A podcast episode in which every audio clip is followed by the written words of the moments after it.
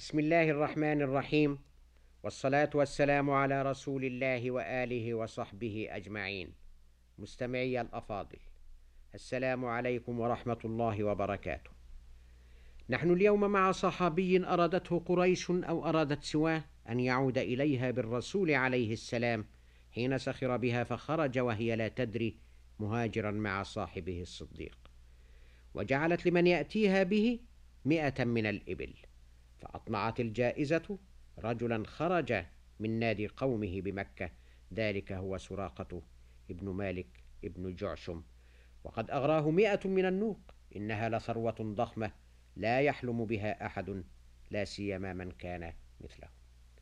خرج سراقة مشركا كافرا ثم عاد إلى قريش وليس أحد أكثر منه إيمانا بأن هذا الذي خرج في طلبه ممنوع وأنه ممنوع بالله.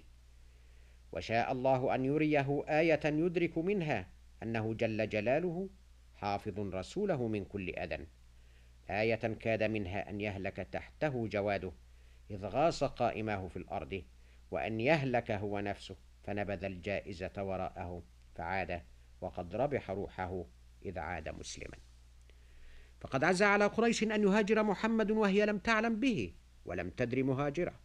فجعلت فيه هذه المئة من النوق وقدم قادم على القوم يخبرهم وفيهم سراقة أنه رأى أربعة مروا عليه وأكبر ظنه أن فيهم محمد بن عبد الله فأومأ سراقة إليه أن يسكت وزاد بأن زعم أنه يعرف الركب ورجاله وأنهم غير محمد ومن معه.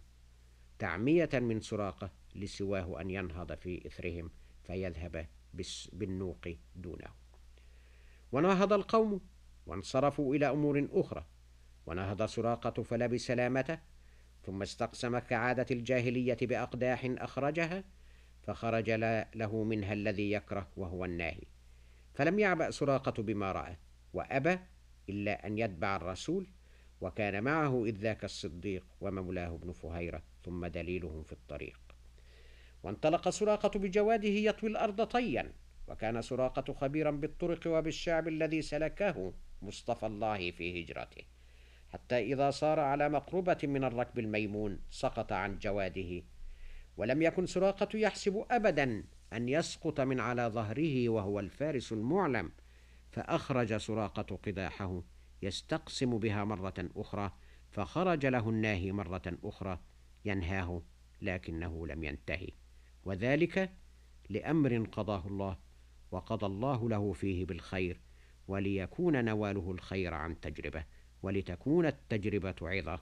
يعظكم الله أن تعودوا لمثله أبدا إن كنتم مؤمنين ويبين الله لكم الآيات والله عليم حكيم.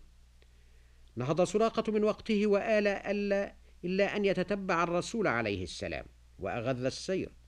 حتى إذا قارب النبي وركبه دعا الرسول ربه أن يكفيه شر سراقة. فإذا بجواده يعثر مرة أخرى ويسيخ إلى بطنه في أرض صلد وسقط راكبه. وإذا بدخان كالإعصار فأيقن سراقة أن الرسول قد منع منه وأنه لا محالة ظاهر فصاح بالركب أنا سراقة ابن جعشم أنظروني أكلمكم. يا محمد قد علمت أن هذا عملك فادعوا الله أن ينجيني مما أنا فيه. فوالله لأعمين على من ورائي من القوم. والله لا أريبكم ولا يأتيكم مني شيء تكرهونه. ثم قال إنه يطلب من الرسول كتابا يكون آية بينه وبينه. وكان له ما أراد وأخذ الكتاب فجعله في كنانته ثم عاد إلى قريش فلم يحدثهم بشيء مما جرى. وكتم دونهم الخبر حتى إذا كان فتح مكة دخل سراقة على الرسول صلى الله عليه وسلم وقال له يا رسول الله أنا سراقة بن جعشم وهذا كتابك لي. فقال له الرسول عليه السلام هذا يوم وفاء وبر ادن يا سراقة. فدنا منه سراقة ونطق بالشهادتين وحسن إسلامه وصار من كبار الصحابة. هذا سراقة الذي ألبسه عمر سواري كسرى ومنطقته وتاجه. سلب هذا كسرى وألبسه أعرابي من شبه الجزيرة. هو سراقة فسبحان الله العظيم. مستمعي الكرام شكرا لكم على إصغائكم وإلى غد إن شاء الله تعالى مع قصة إسلام صحابي آخر. والسلام عليكم ورحمة الله وبركاته.